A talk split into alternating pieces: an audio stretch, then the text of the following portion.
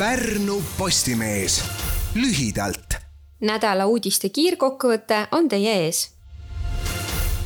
ööl vastu teisipäeva põhjustasid kurjategijad Põhja-Pärnumaa vallas Sikana külas kohalikule põllumajandusettevõttele tohutu kahju, kui lõikasid katki kuussada üheksakümmend kaks silorulli.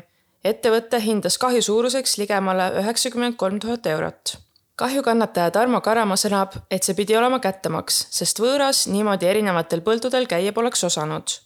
Katki lõigatud silorulle jagus kolme kilomeetri peale ja pallid olid lahti lõigatud pealtpoolt terve diameetri ulatuses sel nädalal kleepisid osade Pärnu hotellide, restode, veekeskuste juhid oma asutuste ustele kleebised Maksud makstud.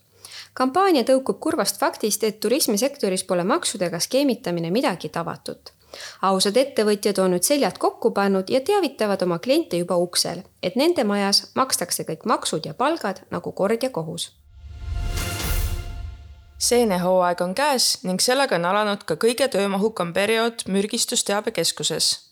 seeni valides tuleb silmas pidada reeglit, et kui ikka seent ei tunne, ei maksa seda koju võtta. eriti ettevaatlik tuleb olla seentega, mida ei ole ise korjanud ega valmistanud suureks probleemiks on mürgistuseksperdi Mare Oderi sõnutsi sotsiaalmeediagrupid, kus seeni müügiks pakutakse. on juhtunud ka, et inimene on saanud mürgistuse seentest, mis osteti turult juba tuttavalt müüjalt.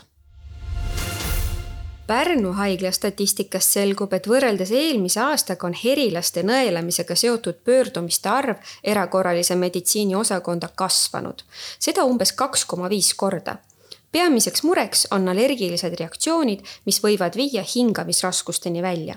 loodustargad seletavad tänavust herilaste rohkust sooja sügisega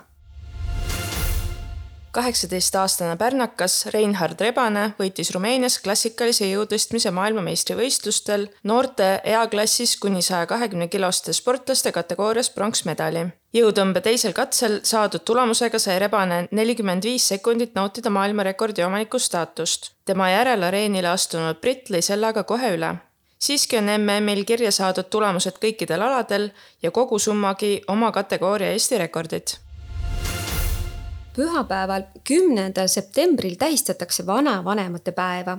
vanavanemaid elab Eestis üle kolmesaja tuhande, vanaemasid on kakssada viisteist tuhat, vanaisasid märgatavalt vähem. keskmine vanaema on kuuskümmend kaheksa aastat vana. vanaisad on mõnevõrra nooremad, neid on kõige rohkem vanuses kuuskümmend kuus kõiki lugusid saab põhjalikumalt lugeda Pärnu Postimehe veebist uudised valisid ja lugesid ette Siiri Erala ja Grete-Liisa Sihver Pärnu Postimehest. Kuulmiseni.